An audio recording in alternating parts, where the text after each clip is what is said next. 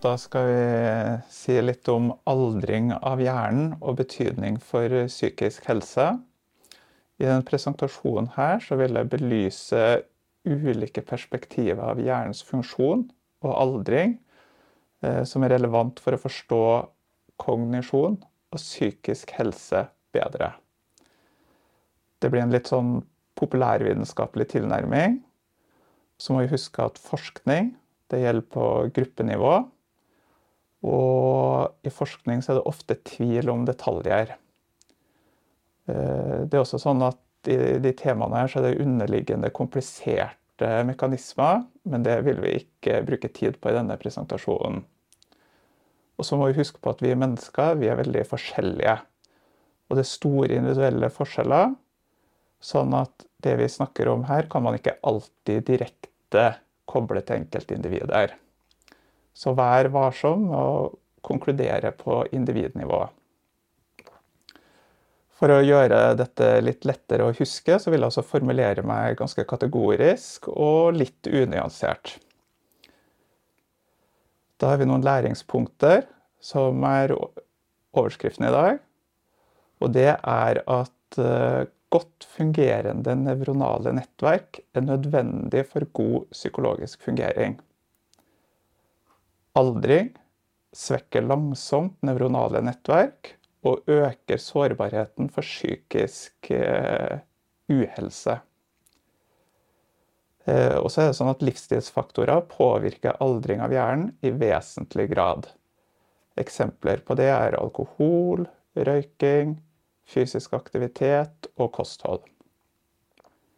Det er jo sånn at hjernen modnes og eldes. Og for å forstå aldring av hjernen hjelper det godt å forstå hjernens modning. Aldring er ofte modning i revers. Eh, modningen går i retning når vi er unge, modningen går i retning av å mestre avanserte menneskelige funksjoner som kognisjon, gjerne ganske abstrakt, og komplisert funksjon. Vi skal se på hjernestrukturer som er involvert i avansert funksjon ved emosjonell regulering. F.eks. så er det å identifisere, forstå og håndtere egne følelser.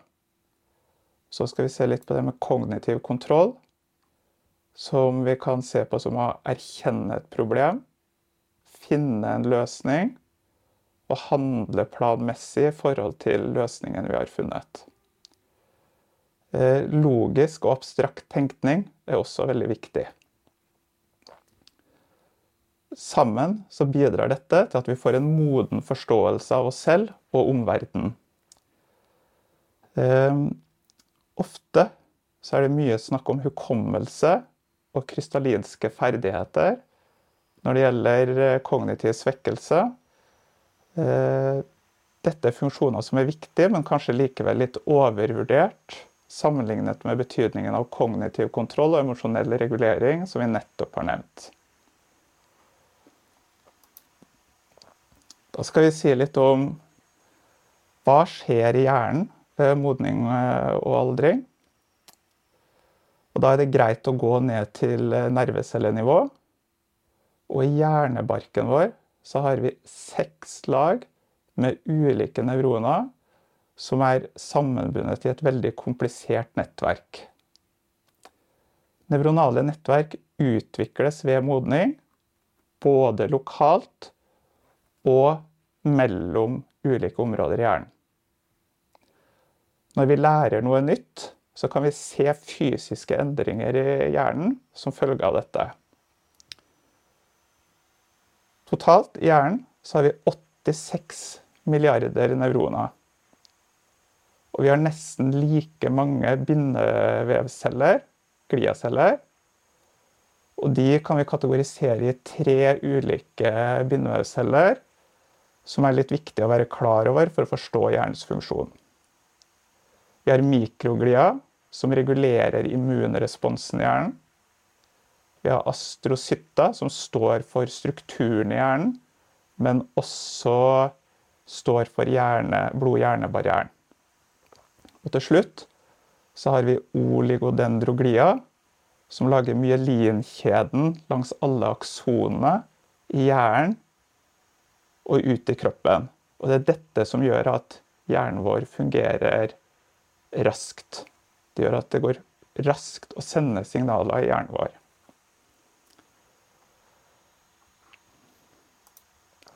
Her har vi et bilde som sier noe om modningsforløpet i løpet av livet. Eh, hvis vi ser helt på de to øverste linjene i denne figuren, så er det en rød, helstrukne linja sier noe om modningen lokalt i hjernen på de ulike stedene, og volumet i hjernen. Mens den stiplede blå linja under den røde sier noe om nettverk mellom hjerneavsnitt. Modningen når toppen et eller annet sted mellom 25 og 40, men er nært toppen allerede sent i 20-årsalderen.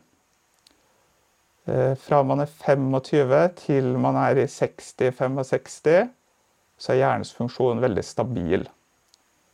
Deretter så er sårbarheten eh, for eh, at noe går galt, mye større.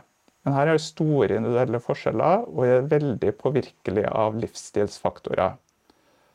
Så hvis vi ser helt øverst til høyre på figuren, så ser vi en stiplede linje skyter fart oppover. Og det er et uttrykk for at man kompenserer for svekka funksjon lokalt ulike deler av hjernen ved å øke nettverksforbindelsen mellom hjerneavsnitt. Og det gjør at eh, vi tilsynelatende kan fungere veldig godt, selv om aldringen har kommet et godt stykke på vei. Da tenkte jeg at vi skal se litt eh, nærmere på noen viktige punkter som gir oss stadig bedre forståelse av hjernen. Eh, lillehjernen,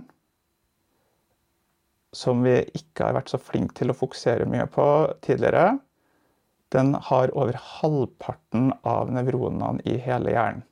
Det er veldig tettpakka med nevroner i hjernebarken til lillehjernen. Og lillehjernen den firedobler seg i volum fra barn til voksen. Det som er viktig med lillehjernen, er at den finjusterer motorikken vår, så at den blir veldig glatt og presis og nyansert det forskningen nå tar i retning av, er at lillehjernen er nok også veldig viktig for å finjustere tankene våre og følelsene våre på et ubevisst nivå. Eh, og det gjør at både sensorisk informasjon, tanker og følelser går fra øvre del av hjernen vår ned til lillehjernen, opp til basalganglene og til hjernebarken igjen så, og til de delene av hjernen som gjør at vi er bevisst dette.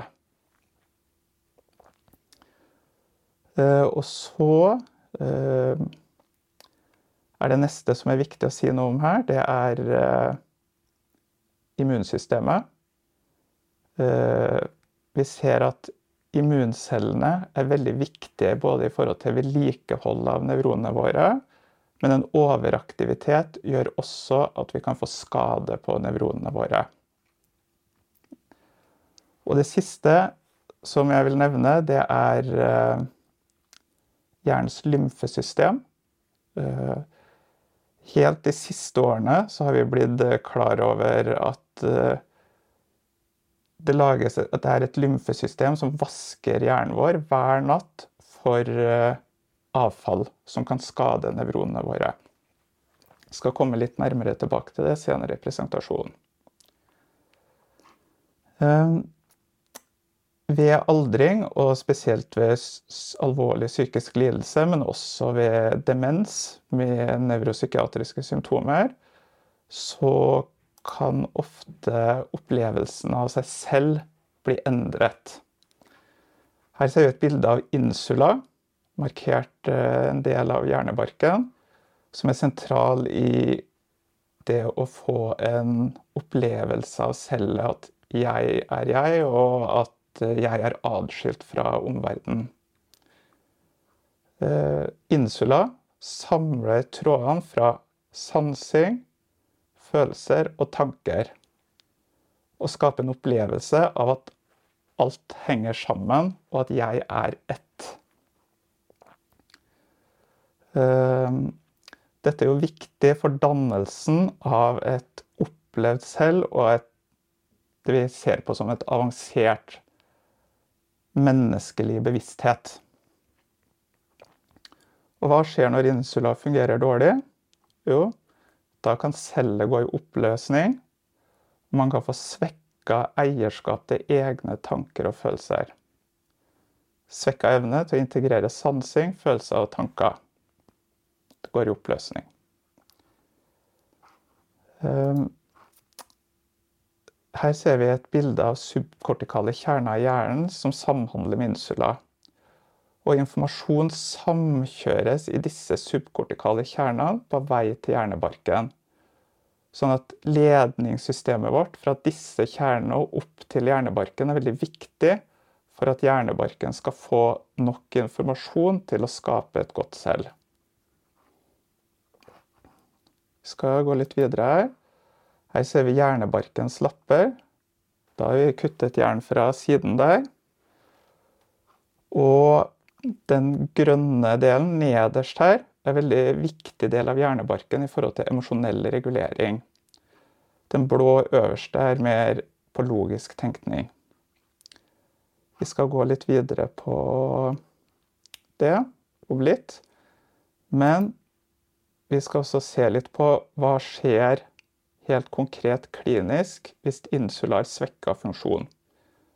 Og da ser vi at svekka funksjon ved insula er veldig typisk ved alvorlig psykose. Og det typisk klinisk tegnet er svekka eierskap til egne tanker og følelser.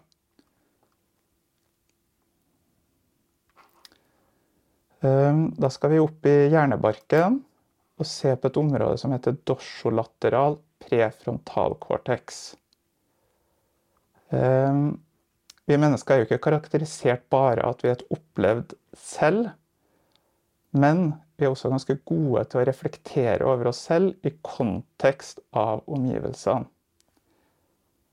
Vi planlegger hvordan vi bør forholde oss og handle deretter. Ehm, og abstrakt tenkning som tas ned til konkret handling basert på kontekst, og også forventning om framtiden. Dette er veldig krevende tankeprosesser som vi mennesker er gode på. Vi tar rett og slett litt sånn kognitiv kontroll og finner løsninger. Og det er det denne delen av hjernen som i hovedsak gjør ved å samle trådene fra resten av hjernen. Hva skjer når det er dårlig funksjon i dorsolateral prefrontal cortex. Eh, da ser vi her igjen ved schizofreni, dette på gruppenivå, så ser vi at de som har schizofreni, har redusert aktivitet i nervecellene i dette området. De har redusert synkronitet i aktiviteten mellom cellene. De har færre aksoner og færre synapser, som gjør at det er færre forbindelser. Så at fungeringen i dette området er dårlig, og typisk så er det sammenfallende med tankeforstyrrelser av vrangforestillinger og funksjonsfall.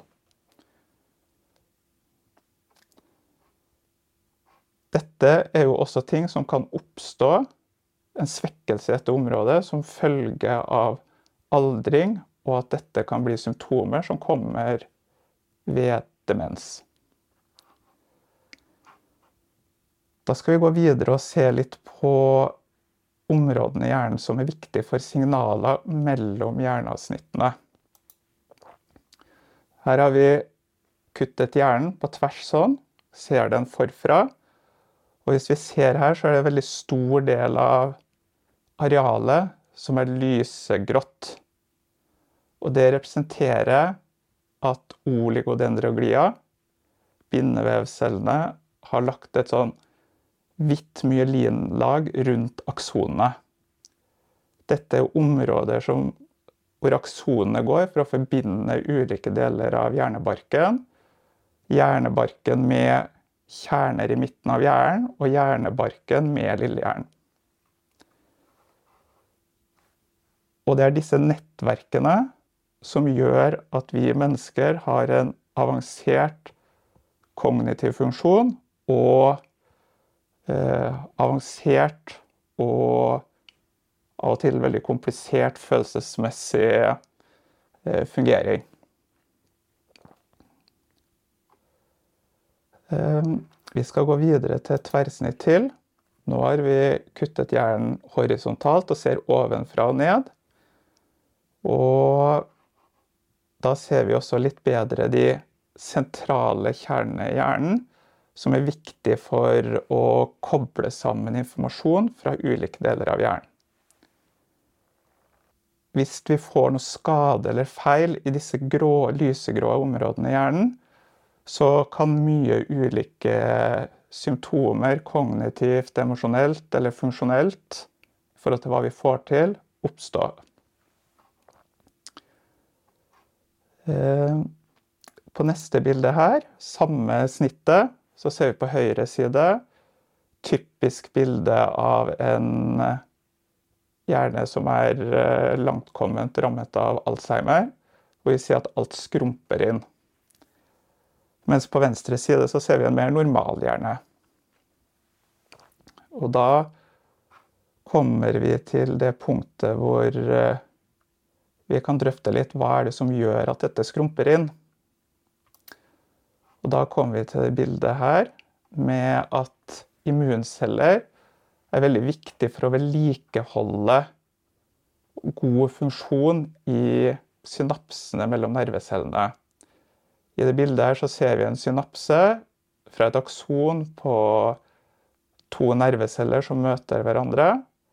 Og til venstre og høyre side så har vi bindevevceller, mikroglier eh, og astrocytter som er med og regulerer, men også, vass, også rydder opp rusket etter kommunikasjonen mellom nervecellene.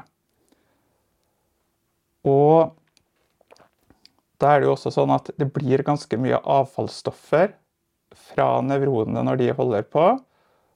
Og mange av de stoffene er ganske reaktive. Og hvis det blir for mye av de, så kan de være giftige og lage skade i hjernen. Derfor så er det beleilig laget sånn at hver natt så vasker hjernen seg. Og det er her det kommer inn dette lymfesystemet uh, til hjernen. Og da er det sånn at uh, cerebrospinalvæske skylles gjennom hjernen i løpet av natten og dreneres ut i lymfekarene på halsen. Det gjør at vi føler oss uthvilte og opplagte og har, eh, har en god reaksjonsevne neste morgen. Nå skal vi se litt nærmere på hvordan dette er konstruert. Her ser vi en, eh, til venstre en blodåre i hjernen. Og til høyre her så ser vi en tverrsnitt av en liten arterie. Og da er det sånn at i midten, lysområdet midt i, det er eh, blodet som renner i det hulrommet der.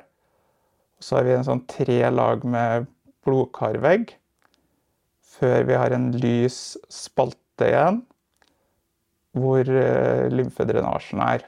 Og da er det astrocyttene, som er blod-hjernebarrieren, som lager veggen på det. Og da er det sånn at i veggen på arteriene så ledes lymfevæsken inn i hjernevevet. Og i venene så pumpes dette, denne væsken tilbake i det, denne spalten og ledes langs venene og ned i lymfekarene. Så det, det er en viktig, viktig funksjon for å vedlikeholde hjernen vår. Ehm, og så er det jo også sånn at vi skal si litt om immunsystemet igjen. Fordi at når vi blir eldre, så har uh, immunsystemet en tendens til å bli litt mer upresist. eh, Vi kaller immunsystemets aldring for immunosenesens. Og det gjør at mange immunceller kan være litt sånn litt trigger-happy eller litt upresise. Når det skjer, så får vi en del sånn avfallsstoffer og proinflammatoriske cytokiner som kan skade myelin, myelinet rundt aksonene. Og da går ledningshastigheten ned. Og blir de for skadd, så kan det til og med stoppe opp. Og i hjernen vår så er det hele tiden en liten sånn kamp mellom å rydde, beskytte hjernen, være aktiv på immunsiden, samtidig til å dempe det. Fordi at Det som er viktig med disse immuncellene, hvis at de holder en aktivitet, men den er lav, så kan de også virke oppbyggende og stimulerende på nervecellene. Eh, men hvis den balansen blir skeiv, så kan det gå ganske galt. Eh, og hvis vi da tar et bilde her og ser hva, hva kan bidra til at dette går galt, da. Og da ser vi her eh, bildet til høyre her, en blodåre. Og alle livsstilsfaktorer som gjør at blodårene våre blir skadd, bidrar til en eh, aktivering av betennelsessystemet i kroppen. Og da får vi en inflammatorisk tilstand som også lett skader myelinet, og dermed svekker hjernens funksjon. Da kan vi ta en liten oppsummering her av noen av de viktigste punktene. Det ene er at vi får en stadig bedre forståelse av dette, selv om det er fortsatt mye vi ikke forstår. Og det er at uh, lillehjernen vår det er viktig å huske på. Den er viktig for å nyansere følelsene våre og tankene våre, ikke bare motorikken. Eh, hjernens modning, spesielt på abstrakt kognitiv tenkning og emosjonell regulering, den varer nok lenger enn vi tror. Og i alle fall langt inn i 30-årsalderen, kanskje helt fram mot 40. Eh, og så vet vi nå også at uh, immunsystemet, om det er overaktivt eller passaktivt, har mye å si for uh, hjernens funksjon. Og at hjernen har et eget lymfesystem som fungerer på natten og vasker hjernen og beskytter oss mot skade fra avfall som lages i løpet av dagen. Og så er det også viktig her og være klar over at den biologiske sårbarheten til hjernen øker ganske mye fra 60-årsalder og utover. Her er det selvfølgelig store individuelle forskjeller, og livsstilsfaktorer kan nok påvirke ganske mye når dette slår inn individuelt også. Eh, og så kan vi også si fra dette at nevrodegenerasjon ved aldring påvirker etter hvert vår evne til kognitiv kontroll, emosjonell regulering og som følge av det etter hvert også funksjon. Og så er det slik, da, at ved psykisk lidelse så er det sånn at det kan skyldes at vi midlertidig har en dårligere funksjon i hjernen enn vanlig pga. betydelige belastninger. Eh, og at hjernen er frisk og velfungerende. Og når vi kommer oss gjennom denne belastningen, så fungerer alt godt igjen. Eh, men spesielt hos eldre så er det en andel hvor denne psykiske lidelsen er første tegn på en svekkelse av hjernen, og at en belastning som ikke er ekstraordinær, er nok til å utløse psykiske plager eller sykdom. Og om det er eh, nevrodegenerasjon som er årsaken, det man, kan man ofte først finne ut etter at man har behandlet eh, den akutte fasen av denne sykdommen. Da skal vi gå litt til eh, oppsummering av læringspunkter igjen. Og da er det sånn at godt fungerende nevronale nettverk er nødvendig for god psykologisk fungering.